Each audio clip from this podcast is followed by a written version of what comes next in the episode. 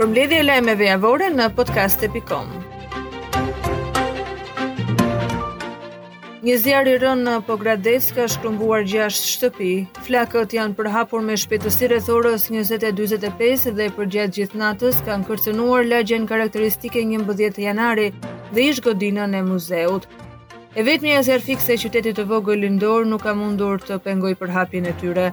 Në ndihmë kanë ardhur edhe zjarrfikëse të tjera nga Korça dhe Elbasani, si dhe forca të policisë, të cilët kanë nxjerrë me forcë nga njëra prej shtëpive që po digjeshin pronarët e saj, që nuk pranonin ta braktisnin atë. Banesat kanë vazhduar të digjen deri në mëngjes. Vatra e zjarrit ka qenë në shtëpinë e Edmond Miles, sipas të cilit flakët janë vënë re menjëherë pas ardhjes së energjisë elektrike.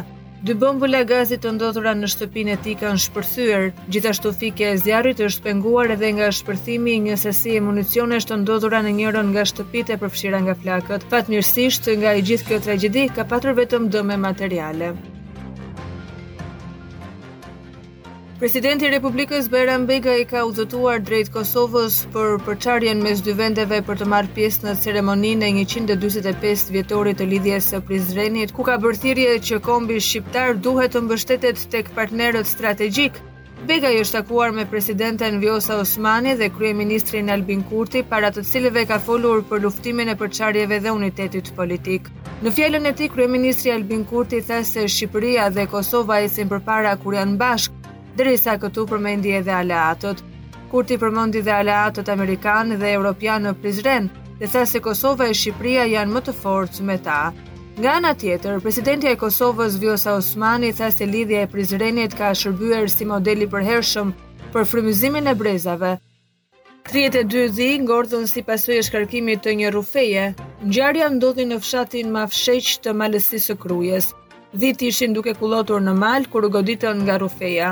Blegtori Nel Zeka thotë se në momentin e ngjarjes ishte djali i tij 17 vjeçar duke u kujdesur për bagëtitë. Dëmi ekonomik sipas tij shkon deri në 5 milion lekë të vjetra. Shqipëria pritet të ketë vitin e artë të turizmit në këtë sezon. Operatorët turistikë thonë se kanë mbyllur prenotimet që herët dhe pothuajse të gjitha strukturat akomoduese janë të mbushura që tani. Madje pritet të shtojnë çarterat për shkak të kërkesës së lartë të pushuesve të huaj që kanë zgjedhur këtë vit Shqipërinë. Por a do të jetë ky viti ku Shqipëria do të kalojë provimin apo do të mbetet në klasë? A do të mund të ofrojnë strukturat tona akomoduese atë cilësi shërbimi që kërkohet nga turistët për t'u kthyer në një destinacion i mirëfilltë ku pushuesit e këtij viti të vazhdojnë ta promovojnë e të kthehen sërish? Vërtet kemi det dhe rërë që shumë vende do ta kishin zili, por a do të dimë t'i mbajmë ato pastër? Edhe pse pritet ky bum i kërkesave të turistëve të huaj, askush nuk u kujtua për procesin e dezinfektimit i cili duhej të kryhej që në mars, kur insektet janë ende larva për të mos lejuar shumimin e tyre. Në fakt që prej dy vitesh ky proces nuk ndodh, kur dihet që në zonat bregdetare ka shumë mushkonja. Vite më parë, ky proces kryhej nga Instituti i Shëndetit Publik, por tenderi më i fundit është zhvilluar para 5 vitesh dhe kompania fituese duhej të kryente këtë proces për 3 vite me radhë. Më pas tenderat dështojnë dhe fondet digjen. Për vitin 2023 janë akorduar rreth 80 milion lekë, por Instituti i Shëndetit Publik ia ka deleguar zhvillimin e tenderit Agjencisë së Blerjeve të Përqendruara pranë Ministrisë së Brendshme. Kjo agjenci i kërkon ISHP-së të rishikojë specifikimet teknike, pasi ato nuk krijojnë gjithëpërfshirje për subjektet ofruese.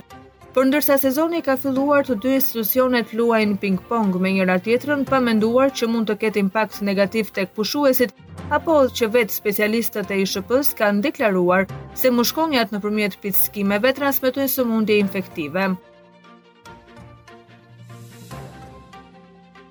Enkelejd Alibeaj ka reaguar pas deklaratës së ish-kryeministrit Sali Berisha se është i gatshëm të ulet dhe të diskutojë me të gjithë deputetët e Partisë Demokratike për të gjetur një zgjidhje, por duke përjashtuar atë dhe Bashën, të cilët i konsideron si peng të Ramës.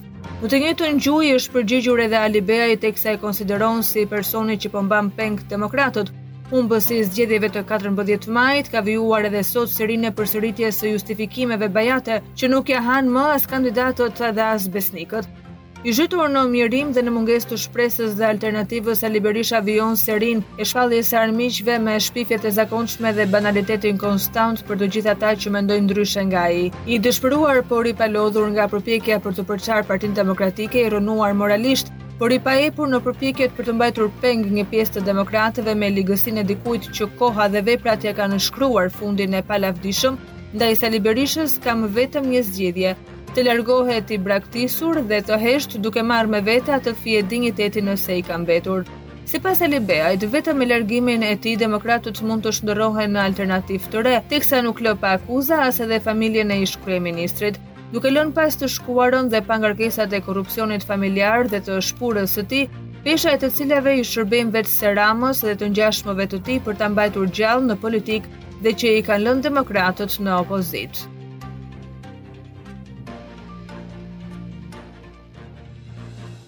Policia Rrugore e Tiranës ka zhvilluar aksione të gjera gjatë javës që lamë pas, me fokusin kryesor automjetet që mbajnë xhama të errësuar pa leje. Mësohet se në total janë 346 raste të evidentuara në kryeqytet gjatë një jave, shoferë të cilët janë gjobitur me masë administrative 200 mijë lekë të vjetra. Gjatë kontrolleve rëndësi e veçantë i është kushtuar ndëshkimit të atyre drejtuesve të mjeteve të cilët në kundërshtim me kodin rrugor qarkullojnë me mjete me xhama të errësuar me materiale të fabrikuara, të pahomologuar ose të papajisur me certifikatën përkatëse sipas miratimit nga Drejtoria e Përgjithshme e Shërbimeve të Transportit Publik. Bën me dije Policia Rrugore e Tiranës. Bashkia e Tiranës ka nderuar me titullin Mirënjohja e qytetit tre konstitucionalistët e njohur profesor Dr. Luan Omari, profesor Dr. Ismet Elezi dhe juristin Niazi Jaho. Në një ceremoni të veçantë ku u nënvizua kontributi i tyre për shumë vite në këtë fushë, Veliaj tha se këto tri emra janë figurat më të denja për respektin e qytetit një milionësh të Tiranës. Më shumë sesa përlëvdim i punës dhe jetës së tyre është një sfidë për jetën dhe shërbimet tona, nëse do të jemi të denjë që një ditë të kemi këtë mirënjohje dhe falenderim është shprehur Erion Veliaj. Një turiste polake ka humbur jetën në plazhin e Durrësit, kështu njoftoi policia se rënia nga lartësia nga kati i 6 i hotelit ku ishte akomoduar i ka shkaktuar vdekjen e menjëhershme 55 vjeçares polake identifikuar si Barbara Vashkov. Një ditë më parë, 55 vjeçarja kishte mbërritur në Shqipëri për të kaluar një javë pushimi buzë Adriatikut, por ajo që duhej të ishte një javë e bukur pushimesh u kthye shpejt në një tragjedi. Rrethana ende të paqarta, ajo ka rënë nga balkoni i dhomës ku ndodhej bashkë me bashkëshortin e saj. Nga hetimet paraprake, bazuar kryesisht në dëshminë e bashkëshortit, rezulton se të dy kanë qenë duke festuar natën e parë të pushimeve dhe kanë konsumuar pije alkoolike.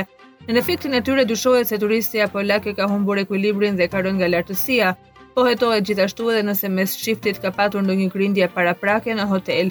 Grupi hetimor po vijon hetimet në lidhje me ngjarjen e rëndë, ndërsa është marrë në pyetje partneri i saj, turistë të tjerë, si dhe personeli i hotelit ku po qëndronin.